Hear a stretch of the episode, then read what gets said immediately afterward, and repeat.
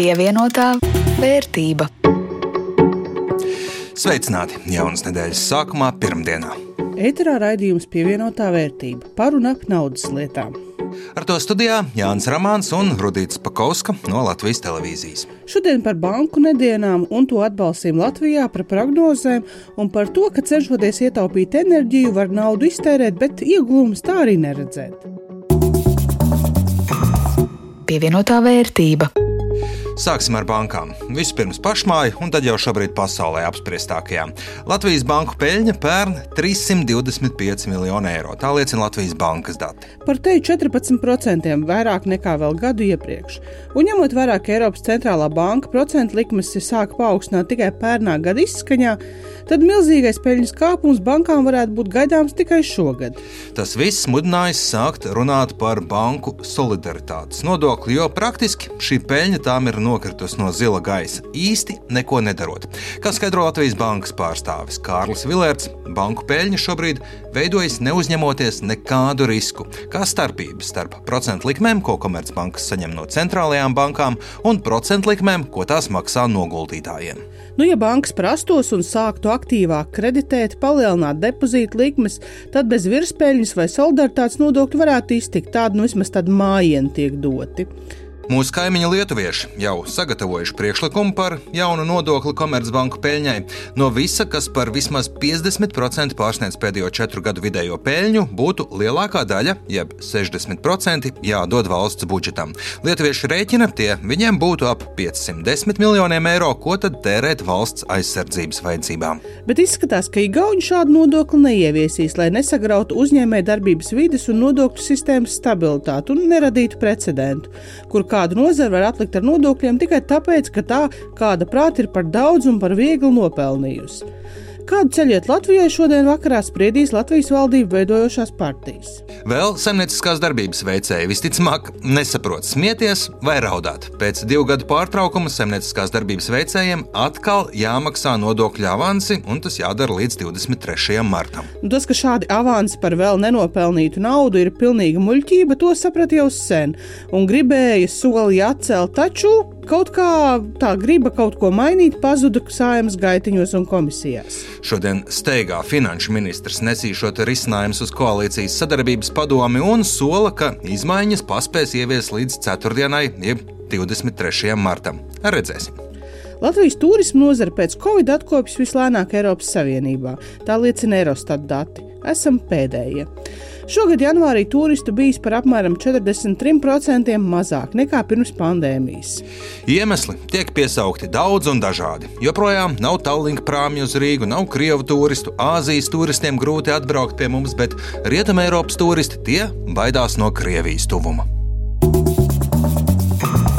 Pievienotā vērtība. Nu, pasaulē uzmanības centrā arī kāda cita banka - Cilīcijas ielas bankas maksātnespējas problēmas.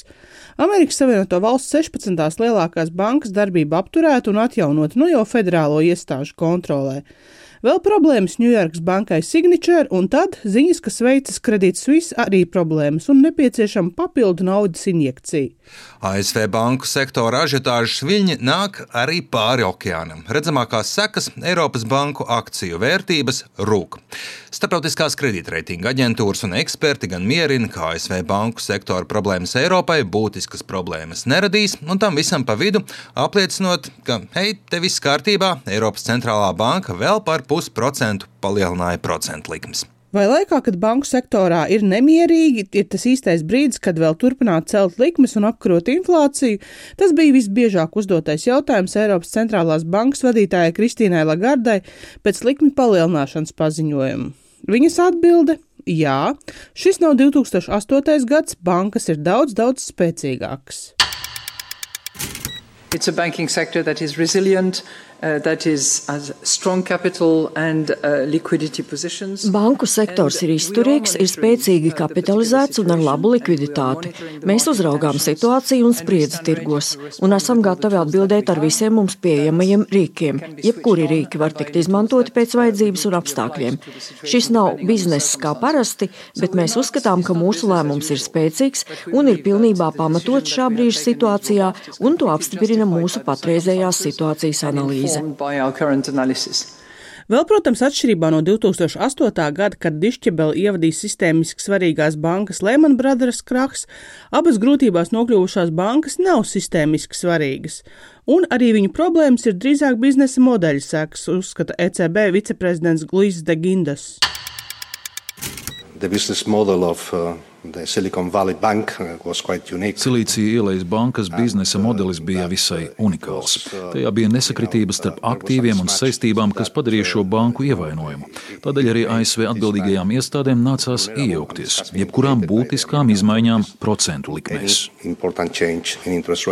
Par to, ka būtiskus riskus Eiropas bankām un Latvijai neredz izteikušies daudz.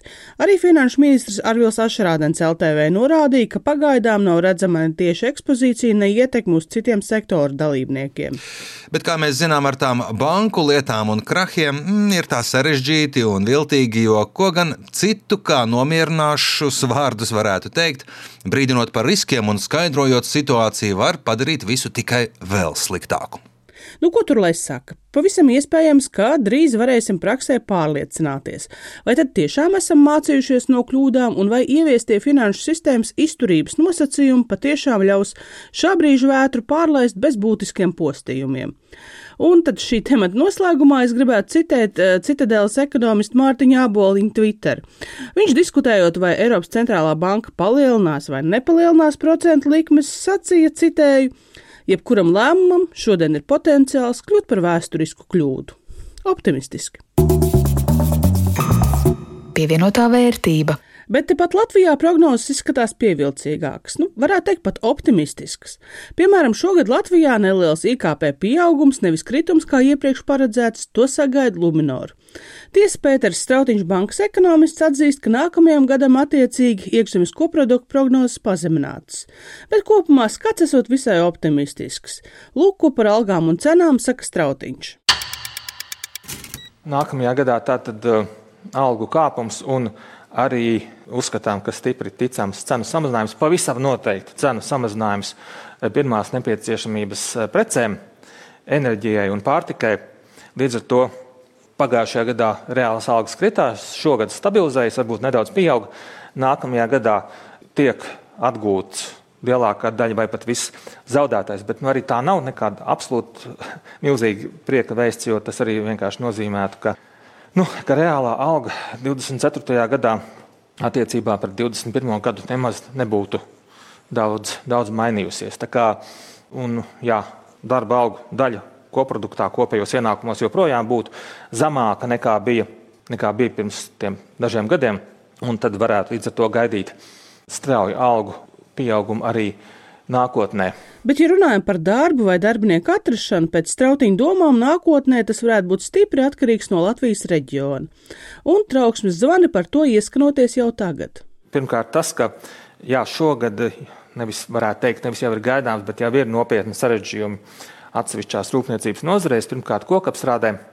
Un eh, nodarbinātība šajās nozarēs mēdz būt eh, ļoti koncentrēta. Teiksim, ļoti liela daļa no visas austrumu vidzemes ekonomikas Smiltenes, Salūksnes, Gulbens novada, Madonas novada ir eh, koka, mežsēmniecība un kokapstrāde. Eh, pagaidām, par spīti ļoti lielam cenu kritumam un arī ražošanas kritumam, kokzāģētājs cilvēks pietur, gaida, kas notiks tirgū, bet ir signāli, ka tomēr daļā uzņēmumu darbinieku skaits var tikt ievērojami samazināts. Un, ja tas notiks, tad šajos reģionos nav eh, daudz citu iespēju, kur atrast darbu, un tad tur ir, ir bezdarba pieauguma risks. Tātad ir bezdarba pieauguma risks atsevišķos reģionos. Savukārt Rīgā un tās apkārtnē drīzāk pretējais, drīzāk bezdarba samazināšanās, jo tas, kas ir Rīgas eksports, eh, tas ir pirmkārt pakalpojumi.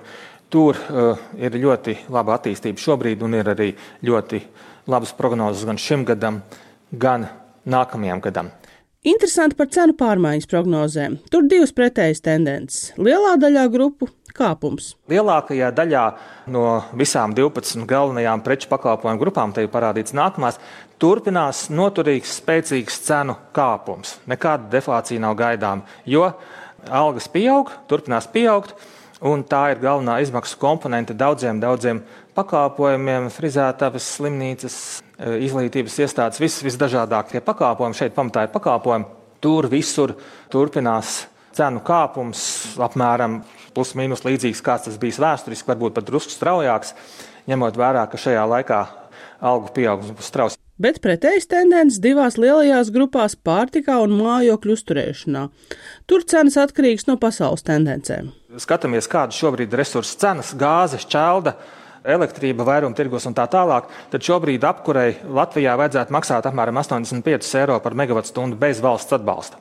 Tā maksā faktiski kaut kādu 115 eiro, ja cena februārī bija ar valsts atbalstu. Tas ir tāpēc, neviens neko tur neblēda, vienkārši ir iepriekš pirkts par augstākām cenām viss kaut kas, pirmkārt gāze un šķelda. Pievienotā vērtība. Pat ja cenas tagad kritušās, viens pēdējā gada laikā ir kļuvis skaidrs, vislabākā cena ir tai enerģijai, kuru neiztērējam vispār. Un esam jau par to runājuši raidījumā, piemēram, samazinot siltuma zudumus mūsu mājās, nomainot logus uz jaunākiem un labākiem, ir viena no risinājumiem. Ja vien tas būtu tik vienkārši, jo ar logiem šķiet bieži vien ir kā ar slaveno kaķi maisā. Ej, nu tu sazini, ko tu beigās nopirksi. Kopā mēs pārbaudījām septiņu dažādu ražotāju logus. Kopumā tie bija 13 paraugi. Jāatzīst, ka tikai viens no šiem septiņiem bija atbilstošs. Tātad sešiem logiem neatbilda reālās eksploatācijas īpašības tam, kas bija deklarēts. Tā stāsta Kristīna Kamerāda, patērētāja tiesība aizsardzības centra eksperte. Pats pārbaudījuši logu siltumu un vēja izolāciju. Neatbilstības bija ļoti dažādas. Piemēram, ja deklarēja 0,9 siltumcaurlaidības koeficientu, Tāda testēšanā tas bija 1,4.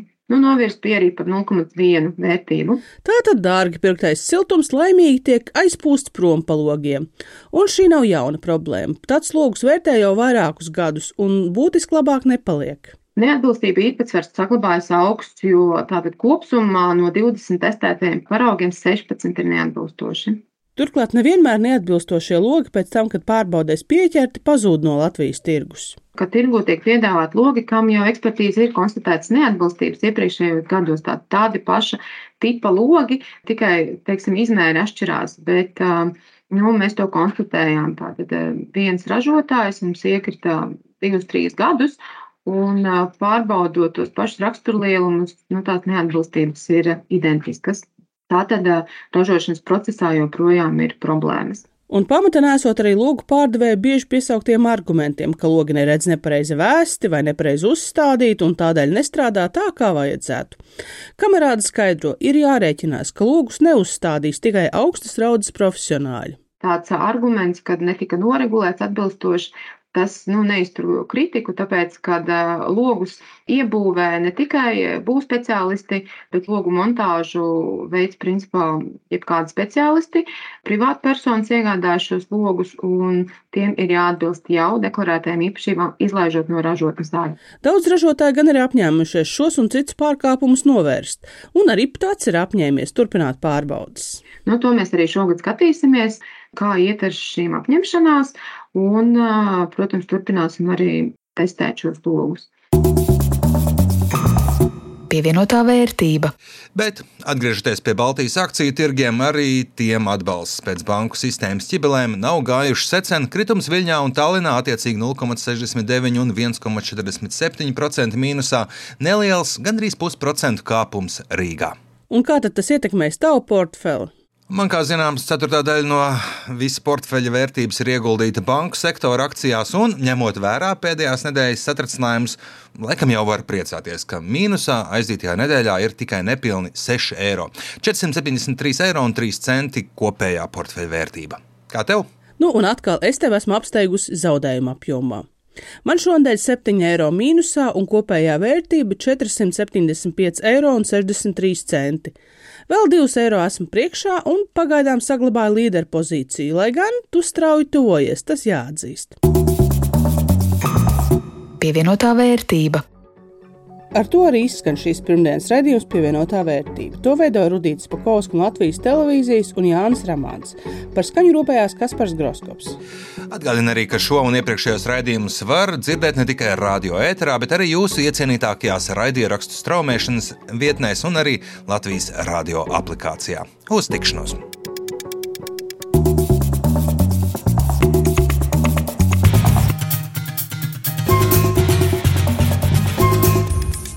Pievienotā vērtība.